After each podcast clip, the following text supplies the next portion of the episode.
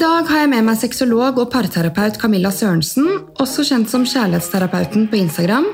Denne episoden er særlig for dere som er i parforhold eller er foreldre, mens neste uke har jeg del to med Camilla, hvor episoden er til dere som er single, og som handler om seksuell selvfølelse og dating.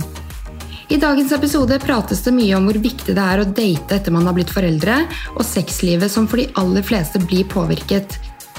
Jeg syns det er viktig med en sånn episode fordi vi alle opplever at både dating og sexliv blir mer fraværende i foreldrerollen. Veldig mange parforhold blir satt på prøve etter man får barn, og det er man ikke alene om.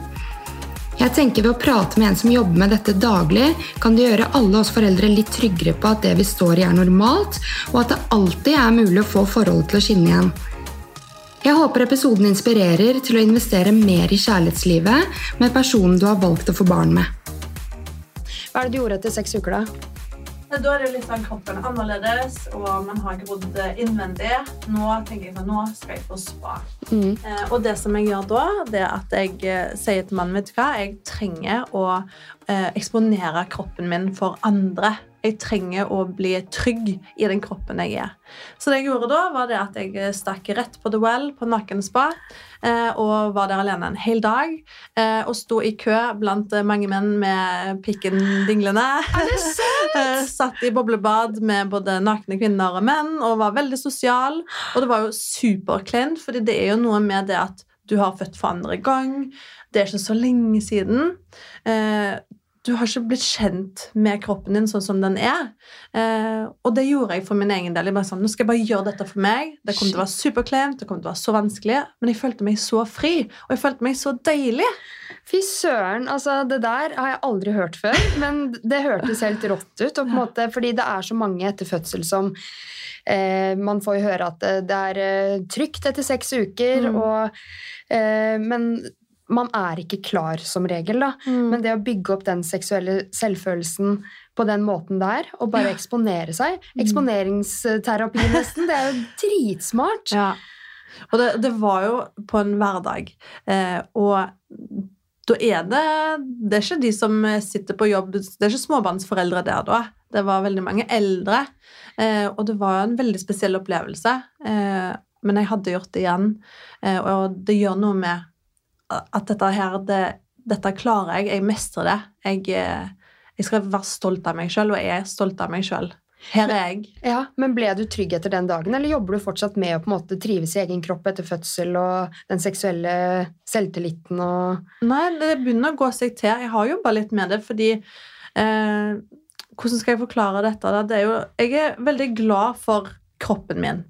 Eh, men jeg har slitt litt med bekkenbunn, eh, og bekkenbunnen er jo veldig viktig å trene eh, så godt man kan.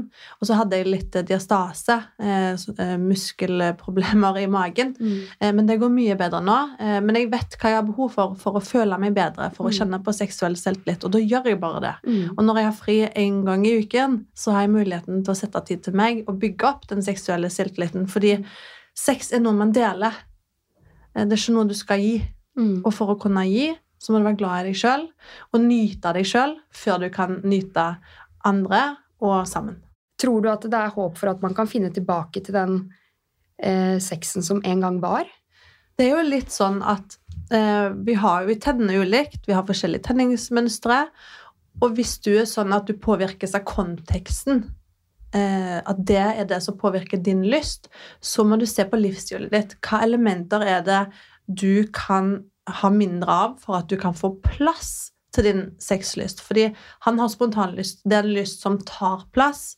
Du har en lyst som må få plass. Mm. Og det er veldig vanlig for veldig mange kvinner. 70-80% av kvinner har en sånn lyst, mm. så det er ikke unormalt. Så du må se på livshjulet ditt. Hva kan du gjøre mindre av for å få mer lyst. Mm. Eh, hva er dine bremseknapper? Hva er dine gassknapper? Sånn som meg, da. I går kveld eh, så spurte mannen min skal vi gå i dusjen. Og dusjen er fantastisk når du er blitt forelder, fordi det er et safe space for dere to. Eh, der vannet treffer huden, som er, er det største erotiske organet vårt. Fordi vi har masse sanser i kroppen. Og hvis du har en sånn lyst som påvirkes av konteksten, når, når vannet treffer kroppen din, så er det akkurat som du kobler ut av hodet og slapper av. Mm. Det varme vannet påvirker og gjør det sensuelt. Mm. Så står man inntil hverandre og koser og er nær, sånn som før. Mm. Så tar man babykvall. Og jeg elsker det. Jeg elsker våt mann. Så, og så kan man massere hverandre, dusje, vaske håret til hverandre. Ikke nødvendigvis alltid ha sex, men det kan jo være sex for mange bare stå inntil hverandre, kose, gi hverandre eh, litt eh, oralt, eh, eksempel. Det kan man jo gjøre. Bare være nær. Og jo mer nær man er, jo mer lyst kan man få. Mm. Og vi er jo veldig glad i The Well, som du nevnte. da. Ja. Du dro dit alene. Vi er veldig glad i å gjøre det sammen. Ja. Eh, og jeg liker når vi på en måte reiser litt bort og kjenner på bare være oss. Eh, og så tror jeg jeg har tatt et bra valg nå med å gå ned i 60% stilling og har to dager fri i uka til å gjøre akkurat hva jeg vil. Fordi da føler jeg at jeg skinner, og han ser også hvor mye jeg skinner etter jeg har spilt inn podkast, Mm. spist lunsj med en venninne, eh, løpt meg en tur. At jeg faktisk har tid til de tingene. Da føler jeg at jeg skinner, og da tar jeg det med inn utover kvelden eller når vi ses igjen, da.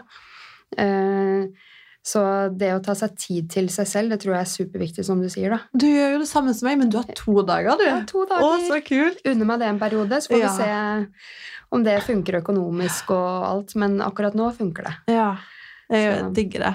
Ja. Eh, Jeg skulle ønske at samfunnet var bygd litt sånn at når du har født barn, eh, at, ja. det, at man kan øke i lønn. fordi det å være mamma er en jobb, det òg. Det er en form for ansiennitet som krever mye av hverdagen. Mm. Det er ikke sånn at du har fri når du kommer hjem.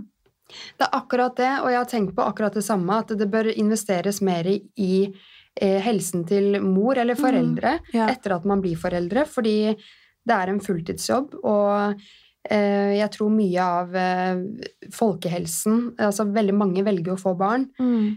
men det er jo også mye uhelse der ute. Veldig. Hva kan man gjøre for å liksom eh, få bedre Eller forebygge, da, og eh, jobbe helsefremmende for at samfunnet skal ha det bedre? Mm. Fordi det er mye skilsmisser blant uh, småbarnsforeldre, og vi vet Å, jo at det er, de fleste går fra hverandre innen barna er fylt tre år. Mm. Noe som er supertrist. Uh, så jeg tenker vi kan egentlig hoppe rett inn uh, på saken, holdt jeg på å si, foreldrerollen, som vi Ja. ja. Um, hvordan tenker du at man kan jobbe forebyggende i parforholdet for at ikke det skal ryke, og særlig når barna er små, da? Jeg var jo veldig heldig, fordi for to år siden så holdt jeg gratis eh, samlivskurs for eh, Jeg lurer på om det var Det var over 200 eh, personer eh, over seks måneder for å forebygge. Det var mange gravide, og de hadde barn allerede fra før. Eh, så det, det var et gratis tilbud eh, som de fikk, som var støtta av staten. Mm. Eh, så, så det var midler før Mm. før ny re regjering for å kunne hjelpe så mange som mulig. Fordi når man blir forelder, så blir ikke det bare født et barn. Det blir født to nye foreldre. Uavhengig av om du er mamma eller pappa, så blir det to nye roller født. Eller hvis du før alene, så er det en mamma eller pappa som blir født. Og det er ingen som lærer deg det noe sted. Og så har du et parforhold du skal ta vare på i tillegg. Hvem lærer deg om hvordan du skal ta vare på det? Det må jo læres et sted. Eh, Men man må jo lære på den harde måten. Det er det. Og, og du tar jo med deg ting fra bagasjen din Mm. når du går inn i den rollen. Og hvis man ikke er oppvokst med å se at foreldrene har lært seg å reparere vanskelige situasjoner, hvis man ikke er oppvokst med å se eh, at foreldrene er kjærlige i det som er vanskelig, så kan det være vanskelig å stå i det sjøl òg. Og når det er lite søvn, det er liten tid, det er eh, vanskelig å gå på do, det er ingen alenetid, eh, mye sykdom, livet er ikke som før, da er det ikke så lett å være team. Nei. Det er vanskelig å være team, Mm. og det skal være vanskelig. Mm. Det, gå, det er viktig å få sagt. Første året er unntakstilstand, og det er tøft i minst tre år. Mm. Virkelig. For alle. Helt likt for alle. Så derfor må regjeringen få tilbake igjen den potten som Mm. var innvilga i statskassen eh, for å fortsette å holde samlivskurs for alle som skal bli foreldre. For jeg har fått så mange gode tilbakemeldinger på at det har vært veldig, veldig, veldig bra for mange. Mm. Ja, og jeg leste litt i den derre 'Når to blir til tre'. Ja. Men jeg leste den etter at eh, førstemann hadde kommet. Ja. sånn, men vi hadde høytlesning i senga da, etter Ja. et halvt år eller noe. ja. Eh, sykt bra. Jeg elsker Ja. Gottman-paret. Eh, så det Der og da føler vi sånn Å, dette skal vi implementere i livet, eller sånn skal vi begynne å tenke, og Mm. man begynner å reflektere. Og så kommer hverdagen og tar deg igjen. Og så ja. mønster. Så man går inn i de vanlige mønstrene igjen veldig fort. Da.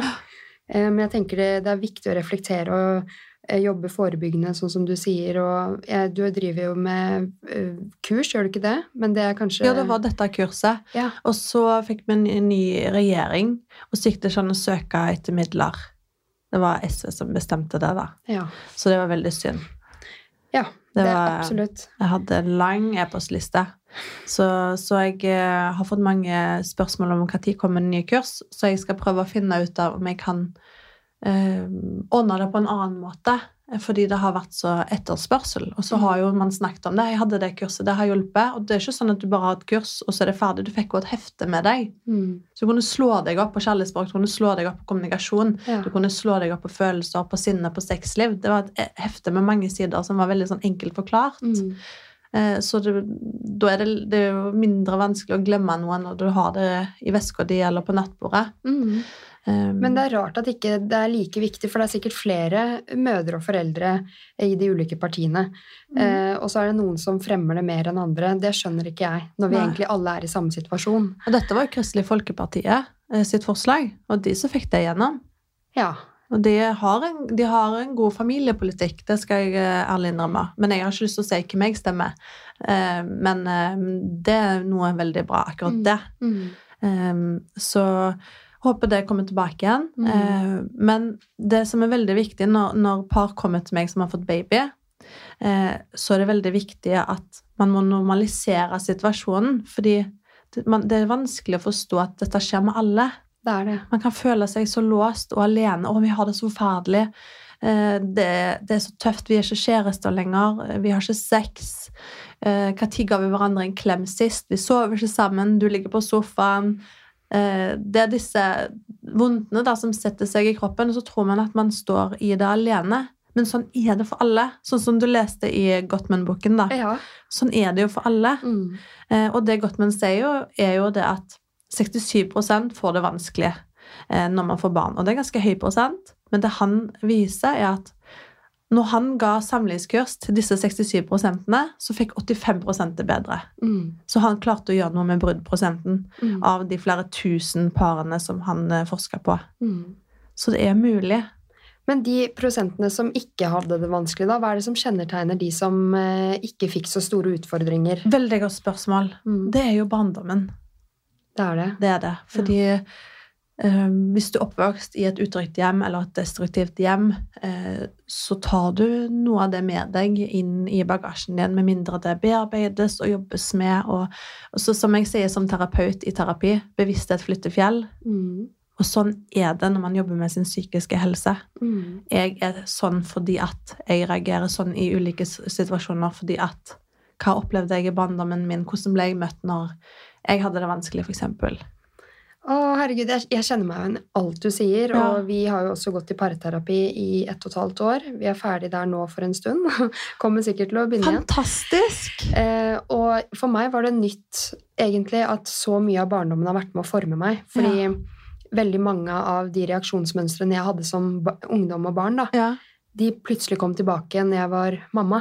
ja. Eh, sinne, for eksempel, eh, som går utover samboeren min. Eh, Mm. ikke det at han er perfekt heller, men eh, det var ikke så gøy å se at hvorfor har jeg blitt så sint igjen? Eller sånn, hvorfor viser jeg eh, Det er så vanskelig for meg å si unnskyld. Ja, hvorfor er det vanskelig å si unnskyld? Ja. Fordi eh, det var ikke så mye unnskyld i min familie.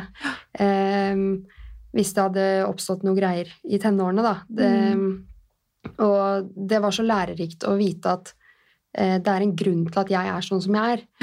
Og det er sånn man begynner å reflektere veldig mye over når man får barn. da. Mm. Um, men hvordan påvirkes barn av foreldrenes relasjon? Først må jeg jo bare si takk for at du deler det.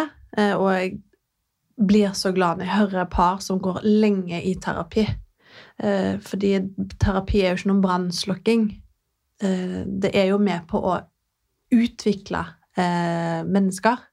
Og, eh, jeg har sjøl gått i parterapi for eh, fire år siden. Jeg har en fast parterapeut som, som jeg og mannen min vet at ok, eh, den må vi oppsøke innimellom. Fordi vi er ikke perfekte, vi heller. Mm. Så det vil jeg bare si til deg at jeg syns det er veldig, veldig bra at dere gjør det. Mm. Og jeg håper flere gjør det nå etter du har sagt at du gjør det. Åh, ja, jeg bare skjønner ikke hvorfor terskelen er så høy, og jeg kjenner flere hvor den ene vil, og den andre vil ikke.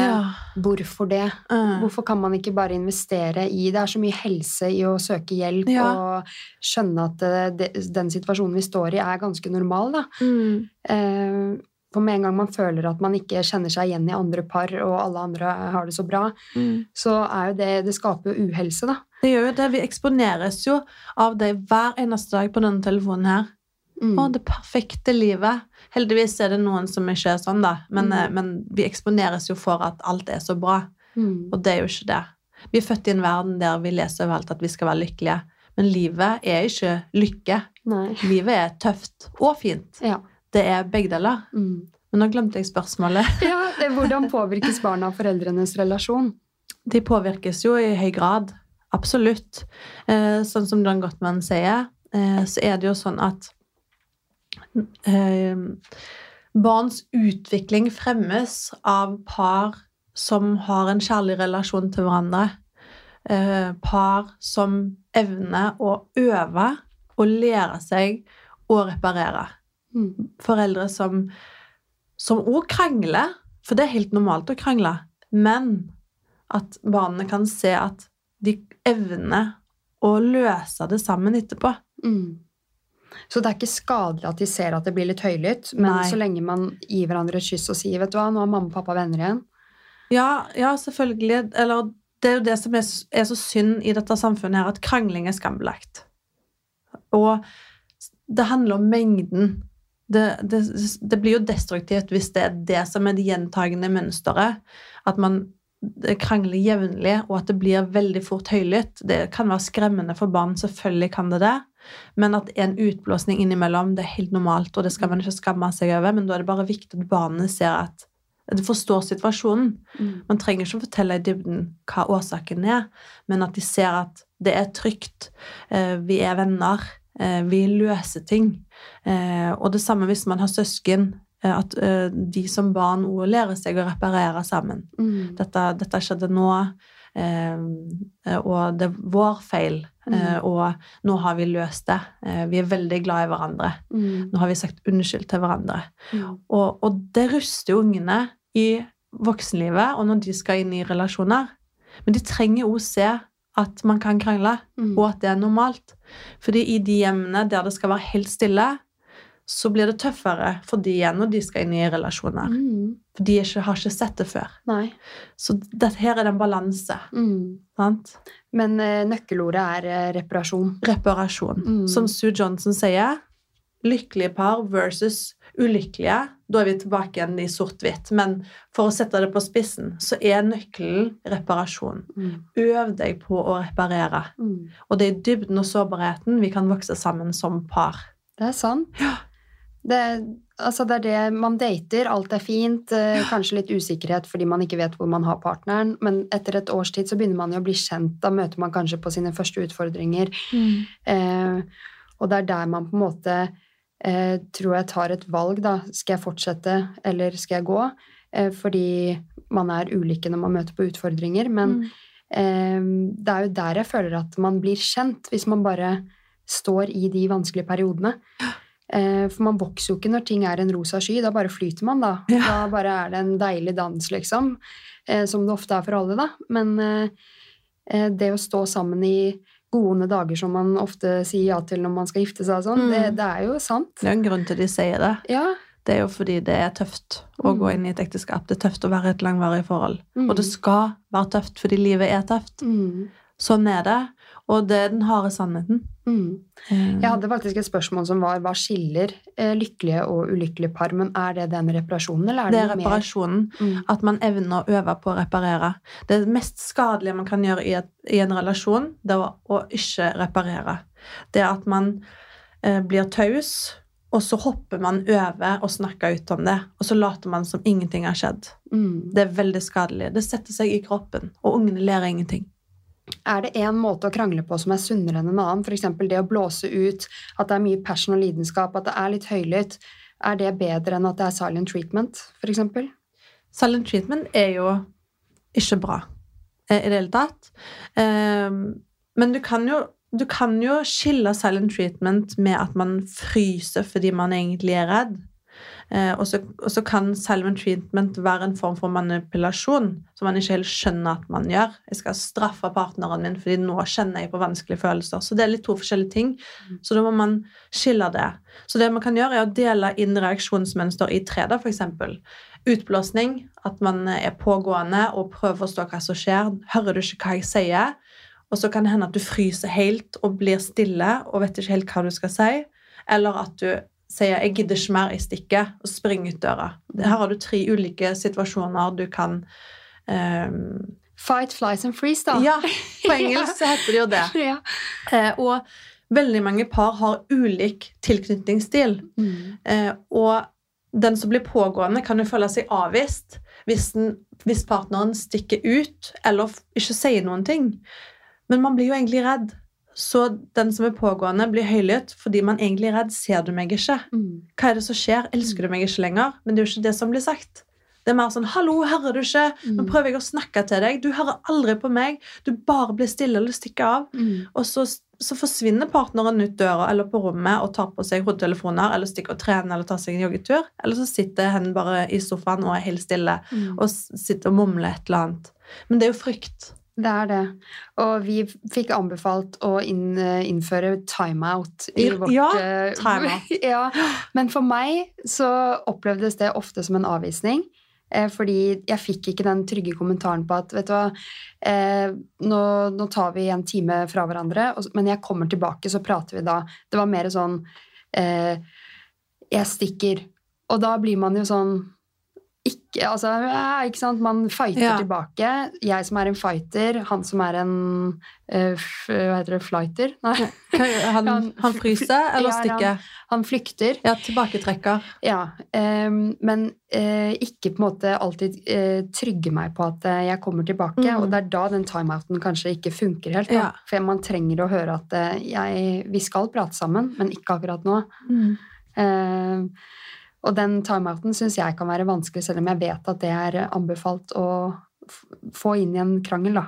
Det er veldig, også det som er så viktig, at man sier timeout istedenfor at jeg stikker. Man må øve seg på å si timeout.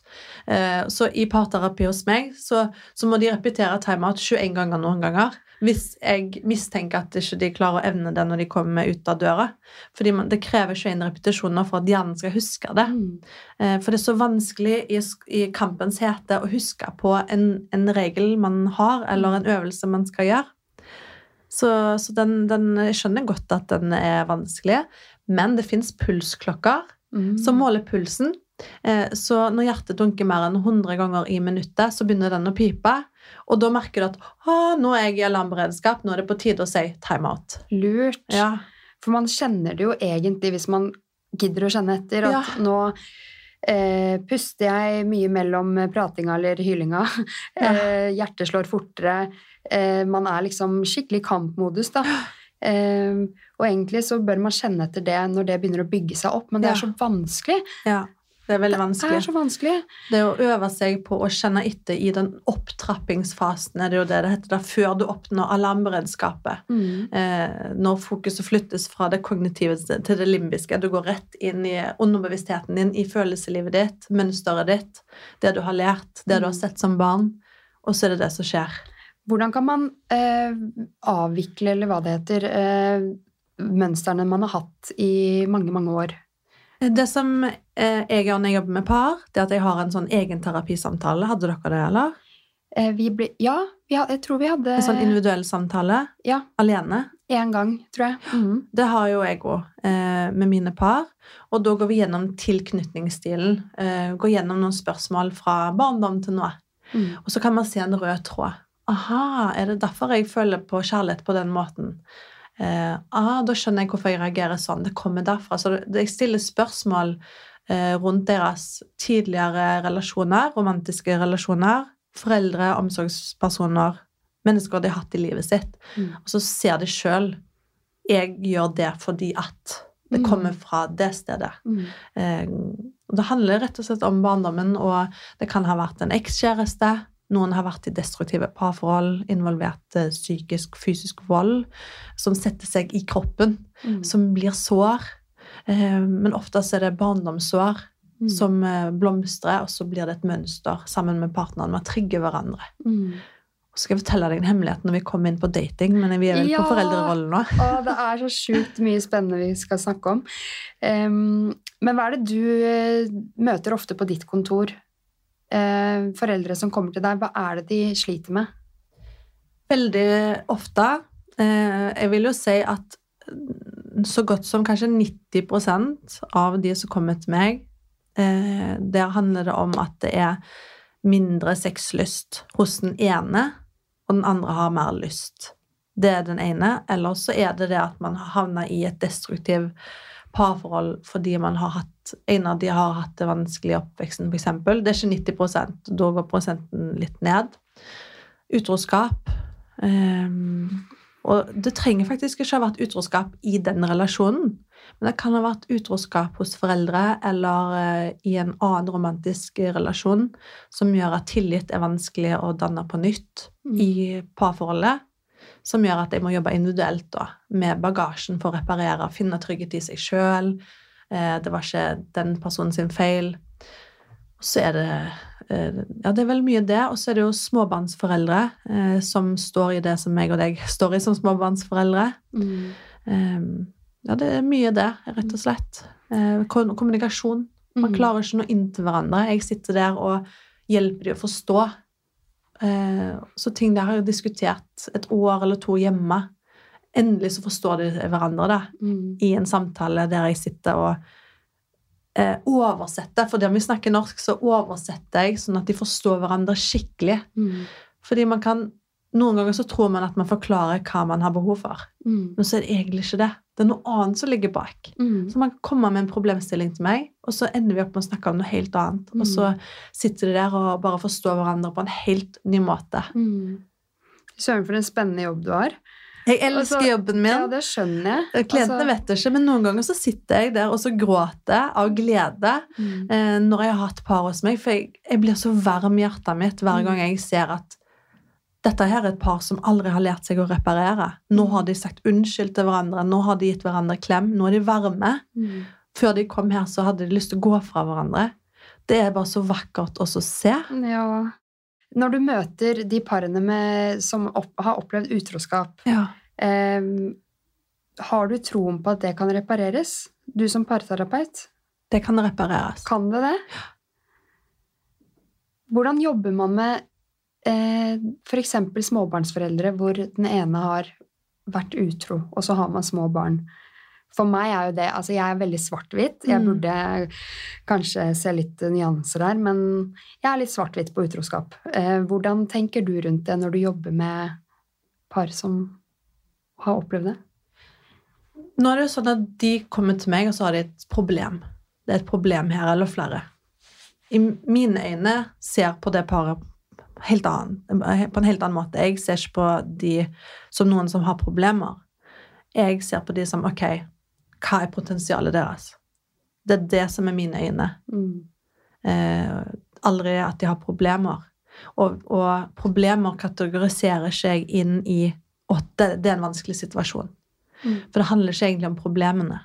Det handler aldri om problemene. Det handler om følelsene bak problemene. Hva er det som vekkes i deg? Hva er det som blir vanskelig? Mm.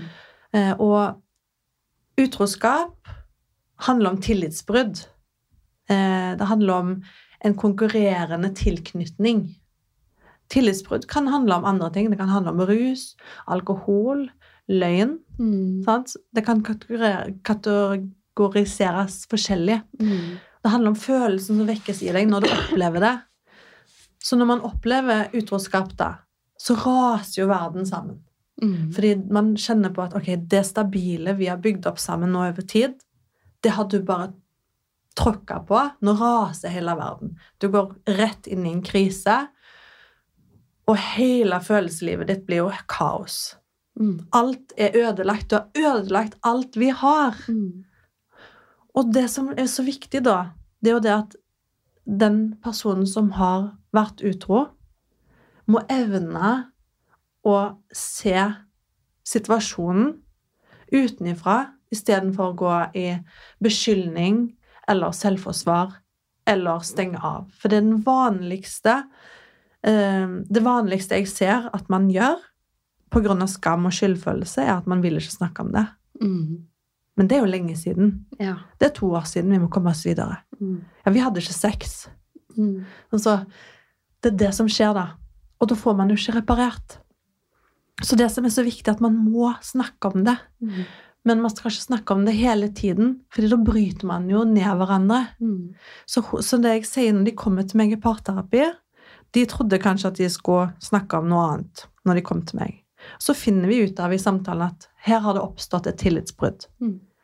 Det må vi sammen snakke om hos meg. Men kun hos meg. Så dere får en samtale hos meg annenhver uke nå når dere kommer hjem. Ikke snakk om det. Det skal bare snakkes om sammen med meg. Jeg skal hjelpe dere gjennom det. Og så kan vi jobbe med de andre tingene. Mm. For vi må ta problemet ved roten. Mm. Og det er ikke tillit her. Så triggerne dine er på hele tida. Hver gang han skal på tur, eller hver gang hun skal på tur, Mm. eller uansett hvem som skal på byen. Man vil ikke bli trygg før man har bearbeidet det. Det må snakkes om Mm. igjen og igjen og igjen. Mm. Men det kan bli destruktivt hvis man ikke har noen som hjelper deg med det. Mm. Og jeg ser det at eh, mange par får det mye bedre. Det er akkurat det, når man får en utenforstående til å sette ord på Mm. følelsene. Fordi eh, noen ganger når man hører at partneren eh, eh, snakker til deg, så han forstår ikke, eller hun forstår ikke alltid hva du prøver å si. Det er akkurat som at Ja. det- den terapeuten eh, vet hva du prøver å si, Ja. og klarer å oversette det, som du sier, til partneren. Og bare 'Å, pling! Lyspære!' Da, da skjønner jeg, liksom. Akkurat, du har jo opplevd det. Mm. Det, sant? det er fint. Mm, det er veldig fint. Ja. Den der følelsen av at endelig forstår han. Mm. Å, herregud. Så er det sånn Sikkert for han òg, ikke sant? Ja. Når jeg har vært eh. Ja, for ofte så tror man jo at eh, din sannhet er det som er riktig. Man må på en måte evne å se at eh, han har et annet følelsesliv, eller Mm. se på ting annerledes. Og det er, hvis man låser seg fast i at det er min sannhet som er rett, Mm. da tror jeg man har litt å jobbe med. Ja. Mm. Og det er jo Og det som jeg forteller til, til småbarnsforeldre Utroskap skjer jo som gjerne fordi man har noen behov. Eh, og at man kjenner på en følelse av begjær. Og så tror man kanskje at man begjærer den personen. Men det er ikke det som skjer. Det er jo begjæret inni deg sjøl Mm. som vekkes. Mm. Det er det som skjer. Mm. Så du, da bør man jo bare gå hjem um, og bare ta med seg den følelsen. Mm. Det er jo det som skjer. Man tror jo at Å, den personen der, Ja. den var fantastisk. Å, nå må jeg bare ta Den må bare ta meg med videre. Man blir lurt. Fordi det er inni oss at begjæret vekkes. Det Mm. samme begjæret som gjorde at man ble sammen. Det vekkes bare. Og det så vi jo i hverdagen. Mm. Så det er jo det som skjer. Ja, og så kan man bli lurt av at det er denne personen som smigrer meg, men Ja. så er det egentlig bare begjæret inni deg som vekkes Yes. til live. Det er akkurat det. Det er et eksempel fra Jeg, satt og, jeg tok en litt lang lunsj med en kollega, en mannlig kollega da, på jobb her om dagen. Eh, veldig fin prat. Eh, og jeg kom hjem til samboeren min, så sier jeg eh, I dag så hadde jeg lunsj i over to timer. Jeg satt og snakka med en eh, mannlig kollega, og det var så fin prat. og jeg, eh, det at han var så nysgjerrig på meg, og jeg var så spørrende på han Det var ikke det at Jeg visste jo inni meg at han smigrer meg ikke sånn at oi, oi, oi, dette var spennende. Men han Jeg kom hjem og formidlet videre at jeg savner at vi er litt nysgjerrige på hverandre. Fordi det å kunne virke litt interessant for noen andre, eh, det vekket noe i meg Mm. eh, uten at det var han, hvis du skjønner. Ja. Men jeg bare kunne ønske at det var mer av den nysgjerrigheten i hverdagen hjemme, da. Eh, fordi man er jo eh, under utvikling gjennom hele livet, Mm. og det er litt rart hvis man skal slutte å være nysgjerrig på hverandre etter man får barn, f.eks. Mm. Eh, da er man i hvert fall under utvikling. Det er jo egentlig da man bør kanskje stille spørsmål, være nysgjerrig. Eh, og det er litt kjipt hvis man aldri føler at partneren sin er nysgjerrig på deg. Mm. Så det du følte der, var at du følte deg sett Mm. sammen. Mm. Og den følelsen gjør jo at du føler at du er viktig. Noen er nysgjerrig på meg. Mm. For den jeg er. Ikke sant? Absolutt. Og det, det det er så godt for meg å vite at dette kan jeg si med trygghet til samboeren min. Fordi Ja. han vet at jeg er en veldig åpen person. Han blir ikke skremt av at jeg snakker med det motsatte skjønn. Men jeg måtte likevel bare spørre sånn Håper ikke det plager deg at jeg eh, gjorde det? Han bare Tina, når jeg valgte å bli sammen med deg, så visste jeg hva jeg ble sammen med. Ja. Eh, og den delen av meg som er åpen med alle, altså enten det er mann eller damer, ja. menn eller damer, eh, den, han bremser ikke meg eller begrenser meg der, og det, så jeg får være den jeg er. Og Ja. det syns jeg er så viktig, fordi man skal kunne snakke med det motsatte skjønn uten at det skal være sånn Oi, har jeg gjort noe gærent nå? Og det kan være så bra. Mm. Det sier jo Sissel Gran. At det som er så utrolig bra, det er å trigge begjæret litt. Ja. Man trenger ikke gå hele veien, men å bare trigge det litt. Mm. Sånn som du gjorde der. Ja. Da trigger du det litt. Men det er innenfor rammer som dere syns er greit, begge to. Mm. Så da har, for dere høres ut som dere har Dere kjenner hverandre godt, og han aksepterer deg for den du er. Det er helt ok, det er ditt behov. Det er så fint å høre at dere har det, det, i deres relasjon. Mm. Og det tenker jeg er viktig for andre par også, i hvert fall de som er på vei inn i en relasjon eller et kjæresteforhold, at eh, vis hvem du er fra starten av, Ja. og gjør partneren din trygg på at sånn er jeg. Det er ikke Mm. noe farlig. Ikke, du trenger ikke å bli sjalu over disse sidene. Det er bare jeg er en åpen og pratsom person som elsker å dele med andre, enten det er menn eller kvinner.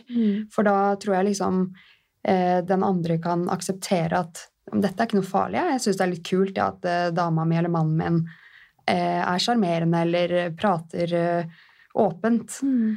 Um, men så er det jo Jeg må bare høre, fordi det, det er jo veldig lett å bli irritert på hverandre etter man får barn. Ja. Det var veldig sjeldent vi Særlig, jeg bruker meg selv mye som eksempel om det er fordi det er det letteste å gjøre. Eh, men eh, det var så lite irritasjon før. Og så får man barn, og så blir man fortere irritert på hverandre. Mm. Fokuset ligger mye på eh, hva som ikke blir gjort, fremfor å se hva partneren faktisk gjør hjemme eller i parforholdet. Hvordan kan man på en måte slutte å Jeg har bare merket at jeg har blitt en litt sånn irritert person. Ja. Hvorfor det, liksom? Hva er det som skjer? Hvordan kan man slutte å bli så fort irritert? For det er så slitsomt å være sånn der Det er så mange ting man kan gjøre, men jeg kan jo starte med å snakke litt om de der usnakka forventningene som man har til hverandre. Altså, Vi er jo 70% forskjellige, det sier jo John Gottman, og det tror jeg, det tror jeg på. Eh, og man har jo som regel noen forventninger som man ikke helt klarer å snakke om, men hodet bestemmer litt, Mm. eh, og er sjefen over oss. Hjernen er jo fantastisk, men også vår største fiende. Ja. Så, så det kan jo være som, Jeg kan jo gi et eksempel på det. sånn så Jeg spiser jo granola og yoghurt til frokost egentlig hver dag. Det eneste jeg klarer å få i meg når jeg er trøtt. Og så uh, ser jeg at samboeren min har vært på butikken. Han har ikke kjøpt granola. Og så tenker jeg ok, han kjøper det sikkert neste gang. Så kommer han fra butikken en uke senere. Han har ikke kjøpt granola igjen. Og så nevner jeg det. Å, det hadde vært så godt med granola. Eh, ja, jeg kjøper neste gang. Og så er han på butikken, kommer tilbake igjen, ikke kjøpt granola igjen. Mm. Og jeg bare klikker. Ja. Ikke sant? For jeg bare sånn Hva med meg? Ser du ikke meg? Er det bare ungene? Sånn, jeg sa jo ikke akkurat det, men jeg bare ble forbanna, da. For jeg bare sånn Du vet jo at jeg liker granola. Det er det jeg spiser. Ja. Eh, hva med granolaen? Forventningene mine er jo at når jeg har sagt til han at jeg, eh, kan, eh, at jeg liker granola, kan du kjøpe det neste gang? Og han sier ja, så forventer jo jeg at han gjør det. Og når han ikke gjør det, så blir det jo helt krise for meg. Mm. Og sånn er det jo med alle. Eh, og når man sover dårlig, eh, man har barn, livet handler om å dekke andres behov, man har ikke tid til seg sjøl. Og så er det litt sånn, For mange foreldre så er det en liten sorg å bli foreldre. For dem det er fint å bli foreldre, så er det jo en liten sorg fordi sexlivet er ikke som før, kanskje. Man har ikke like mye tid til å være med venner som før. Man kan ikke bare gå ut av huset når man vil. Alt må planlegges. Det er en liten sorg som ligger i bunnen der. Man kan kalle det en sånn hvit sorg. Du, jeg har skrevet ned akkurat det du sitter og snakker om nå. Oh, ja. Det har jeg skrevet ned. Oh, ja. Så du, du, du sier jo egentlig bare det både jeg og sikkert mange kjenner seg igjen i. ja. Det er en sorg, og du Mm. sier liten sorg. For meg eh, var jeg både lykkelig, men det var også en middels eh, slash stor slash liten, jeg vet ikke, sorg. Og alt som plutselig ikke var det samme lenger. ja. Eh, nå avbrøt jeg deg, da, men jeg bare ble så gira sånn Herregud, det er akkurat som at du har lest notatene mine Å, ja. før, før du prater. Men, men dette, jeg snakker jo ikke bare som en fagperson nå, jeg snakker jo som menneske. Jeg har to barn sjøl. Jeg kjenner, har kjent på det samme. Og så er det jo klart at jeg har lyst til å så ha bare, Jeg har lyst til å bare stikke på nattklubb når jeg vil, uten å tenke på barnevakt. Så, så jeg jo savner jo det. Eh, men så fint at du kunne relatere til jeg, jeg pleier å kalle det en hvit sorg, for det ligger i bunnen der lenge. Mm.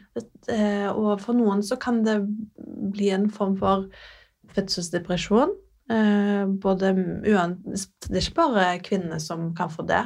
Mange menn kan få fødselsdepresjon. Eh, så det handler litt om at man, man er ikke helt fornøyd da, med situasjonen. Og så er det litt vanskelig å si det, fordi man skal jo egentlig være så glad for å ha fått barn. Ja. Men så er det dritt noen ganger. Mm. Fordi livet er ikke sånn som det var. Så da handler det litt om å øve seg på å akseptere situasjonen, og så passe på at man er et team, lære å reparere, og så se hverandre i hverdagen. Mm. Nå, nå, nå ser jeg at du, du er litt stille. Hva er det du har behov for av meg nå? Mm. Hva trenger du i dag for Mm. at eh, dagen din skal bli litt bedre? Sånne små spørsmål. Det gjør livet så mye bedre. Mm. Og, og bare det så, så, Nå har jo vi hatt så mange dårlige netter, sant? Jeg har sett det dere har flytta ut på sofaen. Åh, ja. det, og jeg er, så, jeg er så glad for at vi fant en god overmadrass. Eh, så vi sover det er godt og deilig å legge seg på den. Og etter vi var i dusjen i går, bare legge oss rett på sofaen. Jeg tok på meg en eh, fin eh, nattrøye, og han ble jo så glad for han liksom fikk se kroppen min. ja. Det var bare så koselig. Ja. Og, og det er jo nesten litt som en date. Så bare ruge meg inn til mannen min og kjenne varmen hans. Det er trygt, det er godt. Når man føler på trygghet, så er det så fint. Mm. Og når vi er nær hverandre, intime, ikke nødvendigvis bare har sex, men bare sånn kose, kose, kose, Mm. så er vi snillere med hverandre. Men jo flere udekkede behov vi har, jo vanskeligere får vi det, og da kommer triggerne med en gang. Ja, da er det ja. som å gå på minefelt hjemme. Mm. Og sånn er det hos oss òg. Vi er helt normale mennesker. Og jeg, eh, når jeg begynte å studere i voksen alder, så sa mannen min at jeg ikke liksom, du skal ikke være parterapeut her hjemme. Du skal være Camilla. Ja. Men klarer du det, da? Eller tar du med deg jobben litt hjem? Og eh, jeg kan tenke meg, hvis jeg hadde vært parterapeut, at eh, de parene jeg møter, hadde fått meg til å reflektere på en annen måte. Hadde jeg kommet hjem, kanskje prøvd det i mitt parforhold? Er det sånn for deg òg, eller legger du det faktisk fra deg på kontoret? Eh, jeg vil si det sånn at eh, jeg, jeg eh, Min mann, da, han er veldig dyktig på å forstå når jeg tar en sånn kommunikasjonsteknikk. Eh, så det nytter ikke å gjøre det hjemme. Mm. Da blir han bare irritert. Mm. Men jeg har funnet én formel som jeg har utvikla helt sjøl, av meg sjøl. Den kommer fra Camilla Sørensen. Ja, Det er ikke Gottman eller Sissel Gran eller noen ting. Og den liker han. Få høre den, da. Og den er sånn eh, Kjæresten i meg ser at du har så behov for å gå ut og drikke med guttene dine. Kjæresten i meg ser at det er noe du trenger, og jeg har veldig lyst at du skal gjøre det. Eh, og, og det fortjener du. Du har gjort en så god jobb. Mm. Mammaen i meg trenger at du er hjemme i kveld fordi en av døtrene våre er syke. Ja, jeg blir rørt, jeg. Ja. Blir du rørt? Jeg blir skikkelig rørt. Åh. Altså, alt som har med sånn parforhold og Åh, Jeg blir skikkelig rørt nå. Å ja, nå ble jeg rørt fordi du ble rørt. Nei, men jeg bare jeg kjenner meg sånn igjen, da. Ja. Du, ja. Nei, du setter eh, ord på det skikkelig fint. Åh. Herregud, altså Jeg føler jeg griner i hver podcast-episode, og jeg er ikke i barseltiden engang, så jeg, ja. Ja. Fortsett. Ja, men det var egentlig bare så enkelt som det. At Jeg, jeg anerkjenner hans behov eh, som den kjæresten og elskeren jeg er, den han ble sammen med. Mm. Jeg er her fortsatt, ja. sant? og jeg ser hva han trenger. Så det er en fin måte å på en måte forklare han at av ungene så trenger vi deg her hjemme i kveld. Men formelen gjør at han føler seg sett og anerkjent og elska, samtidig så han velger da å bli hjemme. Mm. Uten at jeg sier nei, jeg er ikke den der strenge mammaen som skal bestemme over hans liv. Han føler på frihet. Han tar valget sjøl. Ok, jeg skjønner jo at behovet er at jeg skal være hjemme. Men han trengte bare å føle seg sett, anerkjent og elska. Og den kombinasjonen der er jo så fin, den du, og den kjenner jo alle seg igjen i. Det at du, har du unner partneren din Ja. alt. Du vil Mm. at han skal være med gutta, du vil at han skal kunne leve til en viss grad som før. Men mammaen i deg trenger den støtten, på en måte. Mm. Det er beintøft når ungene Mm. er syke. Eh, eller hvis du må på en måte si på en fin måte Kan du være så snill å bli hjemme i dag, selv om jeg vet du hadde gleda deg til Mm. Nei, åh, eh, men den formelen der, jeg håper du har det. Jeg har ikke sett at du har delt den, har du det? Ba, nei, vet du hva, det må jeg jo gjøre. Ja, den traff meg midt i hjerterota. Jeg, har snakket om det på Snapchat, men jeg må jo, må jo snakke om den på Instagram òg. ja. Eh, man, man glemmer jo Man snakker, babler jo så mye, og så glemmer man hva Men siden det funker hjemme hos meg, så funker det sikkert hos andre òg, da. ja, og det er sånn, det er første gang jeg møter deg, og når den på en måte, den var så gjenkjennbar, Ja. på en måte.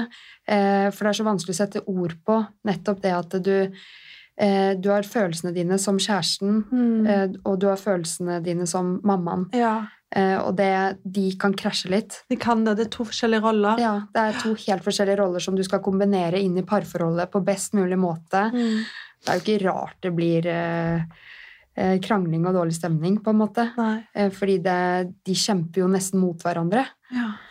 Og man kan bruke det når det gjelder sex nå. Ja, Mm. hvordan Fordi eh, sexlivet endrer seg jo for veldig mange, eller kanskje Mm. alle, etter man får barn. Og det syns jeg også har vært en sorg. Ja. Eh, å være et seksuelt vesen. Jeg er fortsatt det, men jeg føler meg, som jeg sa til deg før vi begynte å spille inn, litt som en grå mus på den seksuelle fronten, selv om Mm. jeg egentlig er et seksuelt vesen. Jeg har alltid hatt god sexlyst, eh, sånn når jeg var singel eller i datingperioden. Og så kommer det et ønsket barn, og så gradvis liksom ser man at det, eh, det blir ikke tid til det. Eh, etter hvert blir det en vane. Hvordan kan man jobbe med sexlysten i et parforhold? For det er jo det som er limet, på en måte. Mm. Det er jo altså Når jeg spør par hos meg eh, hva tenner du på, det er nesten ingen som vet hva de tenner på. Eh, spesielt ikke i småbarnsfasen. Og det er jo helt naturlig, fordi seksualiteten den er ikke stagnert. Den flyter jo gjennom livet, så den kan jo endre seg. Så det du tente på for noen år siden, kanskje det hadde Du kan jo kanskje ha de samme fetisjene, men så endrer det på hva du tenner på, da. Ehm, så det å avklare hva du faktisk tenner på, og finne ut av hva du trives med eh, når du har sex med deg sjøl først, det er jo veldig viktig. Eh, Å ha sex med seg sjøl og utforske seg og sin seksuelle glede og nyte, fordi de parene som har det deilig og godt når de har sex, har jo mer sex enn andre par, da. Eh, og så er det jo litt med disse, disse blokkeringene som oppstår. Eh, når jeg studerte, så hadde meg og Anniken Bekkevik en sånn undersøkelse. Alt gikk i småbarnsliv, vet du. Eh, og det var 137 som deltok i den undersøkelsen, og det var vel eh, rett over 90% som sa i undersøkelsen at de hadde sex fordi om de ikke hadde lyst. Eh, og alle disse kvinnene hadde barn mellom 0 til 3 år fordi at de kjente på dårlig samvittighet eller sorg eller skam over at de ikke hadde så lyst som før. Mm. Det var et behov som måtte dekkes. Og da går vi inn under kategorien pliktsex. Mm. Eh, det som skjer da, er at det oppstår blokkeringer eh, i lysten din, da. Mm. Eh, At det bare stenger av. Så hvis man kjenner på en forventning med en gang partneren kommer nær deg, og du har brutt egne grenser, så er det akkurat som om hjernen bare stenger av nervesystemet. Mm. Det låser seg helt, Mm. og så fryser man til. Og så trekker seg unna eller avviser med en gang. Fordi man tenker at å ja, nå, nå kommer partneren min, nå forventes det at vi skal ha sex, eller kanskje spør han meg om en blowjob, eksempel. Det vil jeg egentlig ikke, fordi man har brutt disse grensene. Så det vi jobber med i, i sexologien, er jo å avklare disse situasjonene som kan eh, ha oppstått. Det kan jo ha med den seksuelle bagasjen. Har man opplevd tidligere i livet der grenser har blitt brutt, eh, seksuelle krenkelser eksempel, så, så kan jo det blomstre opp etter en fødsel, eksempel. Mm. Så bare å avklare eh, hvor man står i grensene sine, og hvor er forventningene Mm. eh, sammen som par, er viktig. Og da kan man jobbe med hvordan skal man fjerne disse blokkeringene. Og da er det øvelser man må gi som sexolog til par som de må følge opp. Ja. Hvordan øvelser kan det være, eksempel? Eh, En eh, sensualitetsøvelse som går på at man kan Man må kjenne på at nærhet eh, kan oppstå uten forventning til å gjøre noe mer. Ja. Eh, At man blir enige om at her er forventningene, at vi skal kun i to uker nå ligge inntil hverandre uten å gjøre noen ting. For Mm. eksempel. Mm. Og da får man ikke den frys, frysningen. Mm. Da kommer ikke den blokkeringen. Og hjernen og kroppen opplever trygg nærhet uten at noen forventes av deg. Jeg skal bare få lov til å få kos nå. Jeg skal få lov å være trygg. Jeg skal få lov å være i havnen. Mm. Men vi trenger ikke gjøre noe mer. Så man må starte helt på nytt. Mm. Og når man født 100 gjenkjennbart. Ja. ja, sant, så bra. Og så er det jo litt det å finne ut av hva man liker. Altså, kroppen endrer seg. Eh, trives man i seg? Eh, Hvordan er den seksuelle eh, selvtilliten? Blomstrer på nytt? Eh, stå foran speilet, undersøker undersøke vulvaen din. Vi har noe som heter speiløvelsen, som er veldig fint. Mm. Eh, se på, på, på eh, kjønnsorganene dine og legge merke til alt det fine. Eh, sånn så Emily Nask Det er litt vanskelig å se det. Emily Naskowski. Ja. Mm. Uh, hun er en veldig kjent uh, sexolog, og hun mener det at når vi evner å se hva kroppen gir oss, uh, og hva kroppen er i stand til, fremfor hvordan kroppen ser ut, så er det noe som skjer med hjernen. Mm. Eh, og det er veldig sunt for seksualiteten vår. Da. Mm. Positiv seksualitet. Ja, Riktig. Når man går inn i foreldrerollen, da, så er det noen som føler seg litt mer sånn Nå er jeg inne i en rolle med disse rammene. Dette forventes av meg. Nå skal jeg være ordentlig. Eh, så det å skitne til litt den foreldre rollen, det er ikke så farlig. Men det er lettere sagt enn gjort. Og det har jo litt med eh, normen vi er i, den norske normen. Jeg er den mammaen, dette forventes av meg, sånn blir jeg. Så blir vi eldre. Mm. Eh, Så det er viktig å skitne seg litt til Ja. eh, hvis man har lyst til det. Og, og, og, og du sa jo i stad det at du kjente litt på at du var grå, var det ikke det du sa? Jo, altså, jeg savner å eh, blomstre Ja. seksuelt. Jeg, eh, for jeg har det i meg fortsatt. Men jeg vet ikke om det jeg skal skylde på tiden, eller om jeg skal skylde på noe annet. Men jeg tror mange kjenner seg igjen i det å, at de savner å blomstre seksuelt. Og eh, være det seksuelle vesenet som de en gang var, da. Mm. Um, og jeg- får massevis av komplimenter, for jeg vet at jeg kan få min samboer når jeg vil, men jeg trenger å jobbe med å skinne litt mer seksuelt uh, i parforholdet, da. Ja. Uh, det er det jeg syns er interessant, liksom hvordan Nå snakket vi litt om det i stad, det å faktisk eh, vie litt tid til seg selv en eller to ganger i uka. ja.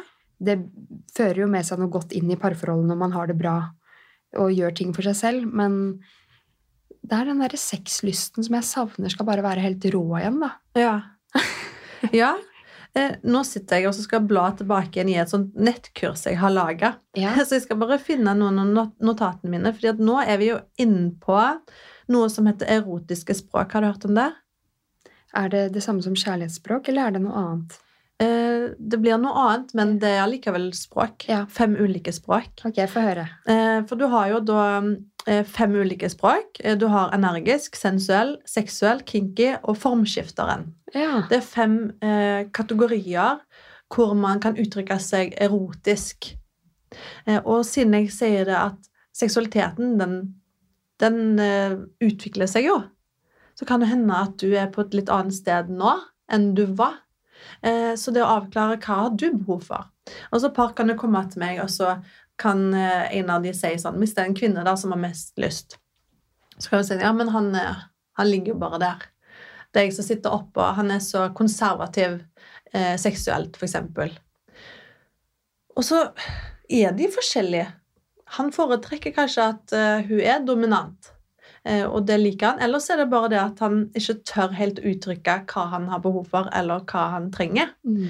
Eh, jeg kan jo for eksempel fortelle litt om min seksualitet. Jeg er jo sensuell. Mm. Eh, jeg, jeg trenger jo at Altså For det første, for at jeg skal komme ut av hodet, så trenger jeg at noen berører meg på en sensuell måte. Jeg trenger at det skal være romantisk. Gjerne litt eh, at det, For det første så må det være ryddig hjemme. Ja. Skjønner du deg igjen i den? ja, ja, ja. Ikke noe rot. Og så hvis det er eh, redd på senga, en dusj, eh, et lys, litt massasje, eller bare at noen kommer bakfra og holder, eh, holder meg inntil seg, og det er så deilig. Da kjenner jeg at å, nå, nå er det noe som skjer hos meg. Mm. Gjerne med et glass vin for å koble ut hodet. Ja, ja. Det er sensuelt for meg. Så Mm. da kan det begynne å bygge seg opp hos meg. Eh, og så har jeg en kinky del, eh, for jeg har ikke bare ett språk. Jeg har litt, man kan ha litt av alle, som inkluderer da at når jeg kommer i gang, så liker jeg å ta fram sexleketøy. Mm. Alle som følger meg på Instagram, vet jo at jeg er helt avhengig av det. Jeg elsker sexleketøy. Jeg òg. Ja, Ja. Womanizer. Ja, så du er Ja. litt kinky, du òg. Ja, ja, ja. Ja, eh, så det er jeg veldig glad i, å ta fram litt sexleketøy. eh, For jeg har lært meg hvordan jeg skal komme, eh, og det kan man gjøre på ulike måter. eh, Og det er jo veldig spennende å teste ut det med sexleketøy. Mm. Men jeg er ikke så veldig glad i, sammen med min partner, å gå rett på kinken. Nei. Jeg trenger sensualiteten først, Ja. og så gå over på kink. Ganske like vi to, da.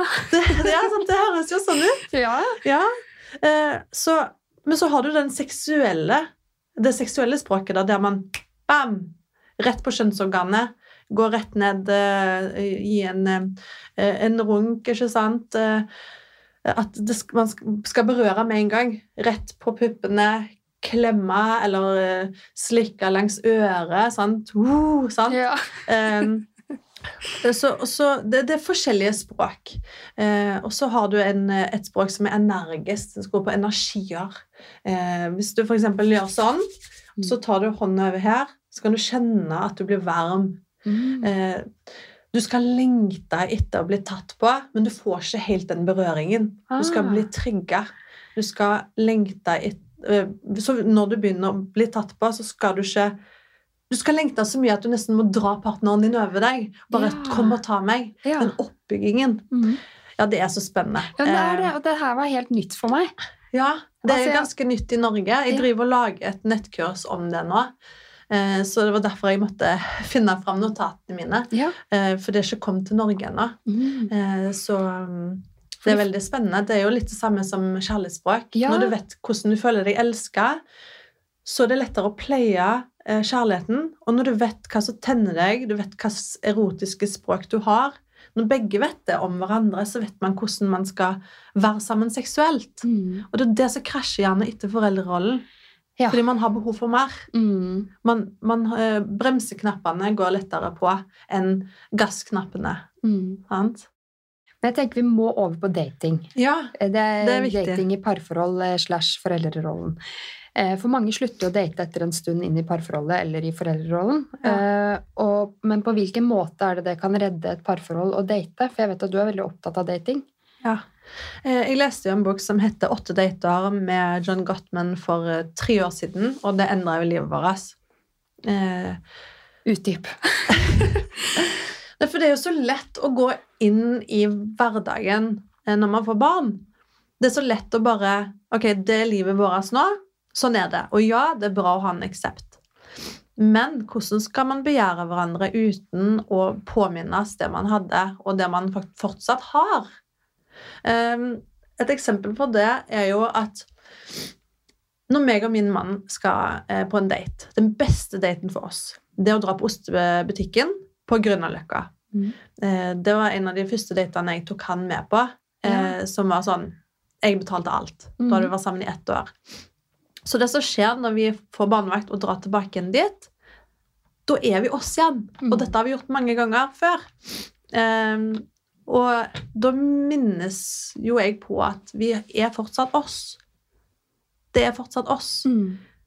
Å, herregud, så romantisk det Ja. er. Og så vi sitter der og snakker om, og husker du her når vi var her den og den gangen, og så gjorde vi det og det, og så plutselig så snakker vi om alt vi har opplevd sammen. Og så sitter vi igjen med, herlighet, hva er det vi har skapt? Vi er så stolte. Så når vi sitter der og har den, eh, den daten, så minnes man jo på at det er fortsatt oss. Dette her er som i gamle dager. Eh, Nå kjenner jeg på alle disse følelsene, det kribler i magen. Og så blir man nysgjerrig på hverandre igjen, og så prøver vi en avtale om ikke å snakke om unger. Vi klarer det til en viss grad. Eh, Vi skal har bare snakke om det fineste sammen, ikke sant? Så Ja, det- vi avslutter litt, litt med det sånn. Men fram til det så er det bare oss. Og så passer vi på å stille hverandre spørsmål. Og og når jeg pynter meg litt ekstra, setter meg ned der på den veldig fine, romantiske restauranten på det faste bordet vårt, så ser han jo på meg og sier 'du er vakker'. ja. Og det får man jo ikke høre så ofte i den travle og hektiske hverdagen. Da, da, det kjenner jeg på 'Å, gud, så godt'. Og du er veldig kjekk. ja. Sånn? Da tar man et glass vin sammen, og så snakker man om livet. Og så plutselig så skjer det når du går ut av foreldrerollen og er i en annen setting, som man forbinder med romantikk, da, som er Mm. viktig for meg, så blir man jo nysgjerrig på partneren sin på en helt annen måte. Mm. Naturlig nysgjerrig. Mm. Da begynner man å stille disse spørsmålene som man glemmer å spørre hjemme. Mm. Søren. Veldig fint. Eh, Men hvilke tips har du for at datingen ikke skal bli bare prat, men at det faktisk, eh, man skal komme i gang med det? da? Og jeg har sett du har lagt ut en sånn sjekkliste eh, på Instagram. Kan du dele mer om det? Ja, man må jo bare sette datoer i kalenderen. Det er det eneste du må gjøre. Du må sette datoene. Så, så, ja, det kan hende det er to måneder til du har barnevakt, men sett den datoen. Mm. Avtal den barnevakten, Mm. for da har du noe å glede deg til. Sånn så jeg ha- har uh, booka flybillett til Berlin. Med han? Ja, Ja. så jeg tar han med meg til Berlin på kjærestetur uten barn. 10. eller 11. februar. Det er den der valentine-helga. Og vi har ikke vært alene på tur i to netter på fem år. Å, herregud. Men vi har hatt én natt. ja, ja. Men ikke to i utlandet. Det har vært korona, vet du. Mm. Og det kommer til å bli fantastisk. Og dette er en kopi av en gammel date. Så, så jeg kopierer det vi har gjort før, på nytt, sånn at vi husker tilbake til det vi gjorde vi da og da. Så Mm. passer vi på at vi har med oss den, eh, de minnene videre, da. Mm. Eh, Så jeg bare, jeg bare booka.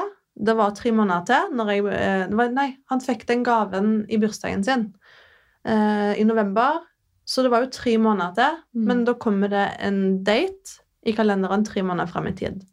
Åh, jeg elsker når man har noe å se fram til, selv om det er noen måneder fram i tid. Ja. For da ligger det bak i hodet sånn Ok, nå er det bare noen uker med jobb sånn, og vi skal kose oss, men den helgen, da Og det, det er sånn Det skaper litt forventninger, man gleder seg. Krible i magen. Ja. Man kan, uh, Istedenfor bare å sette på Netflix-serie på kvelden, så kan man begynne å glede seg og snakke litt om Åh, hva har du lyst til å gjøre når vi skal dra. Mm. Uh, Og det trenger ikke nødvendigvis være en reise. Altså, når det var korona, så sov jo meg og mannen min på hotell i Oslo Ja. én natt og hadde barnevakt for én natt. Mm. Bare for å date. ja. Eh, og Før var jo sovesofaen date, nå er det mer sånn overlevelse. Mm. Eh, men det er så mye man kan gjøre sammen eh, bare for å bevare kjærligheten. da. Mm. Eh, men det er jo ikke bare dating som er viktig. Det er viktig jo å være vekke fra hverandre og savne hverandre. Ja, absolutt.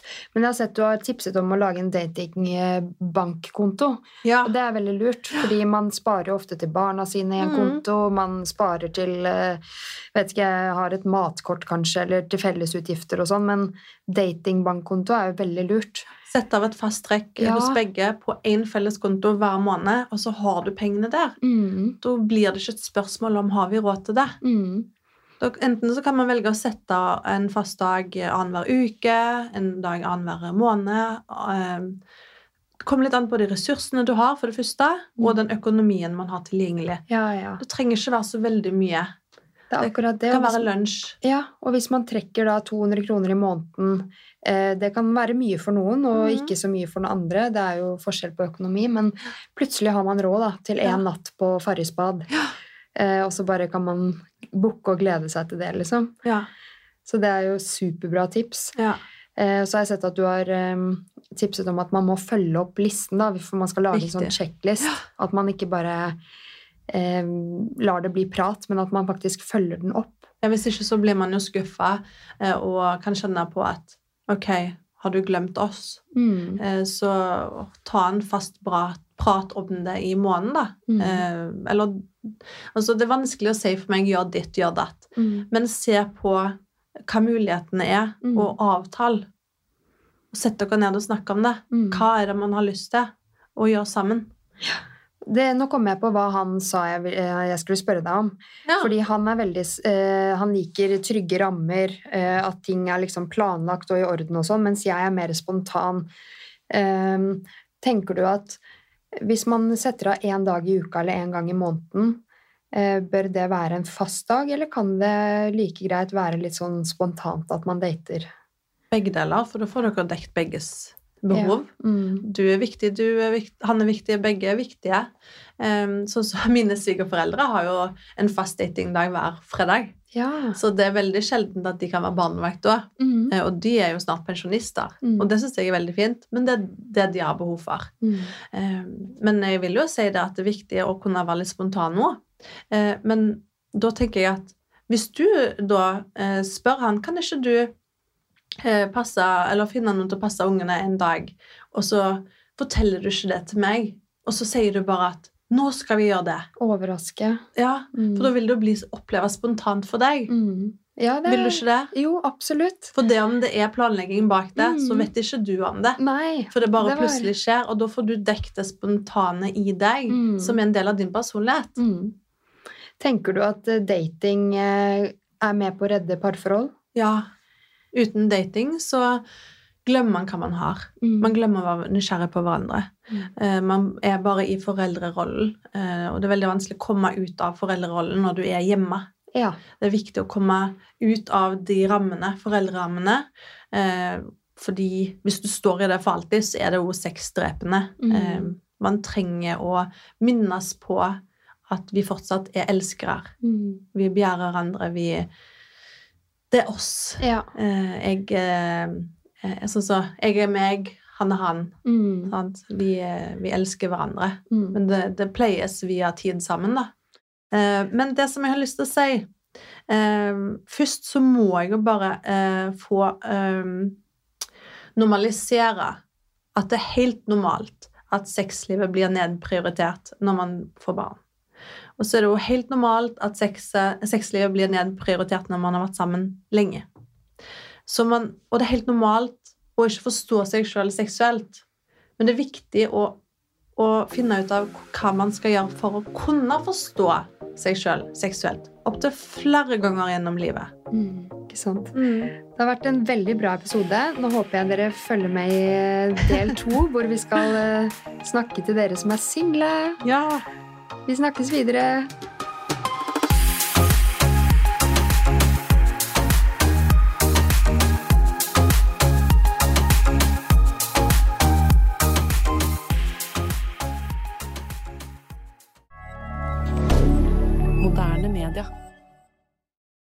Har du et enkeltpersonforetak eller en liten bedrift? Da er du sikkert lei av å høre meg snakke om hvor enkelt det er med kvitteringer og bilag i fiken, så vi eh, gir oss her, vi. Fordi vi liker enkelt. Fiken superenkelt regnskap.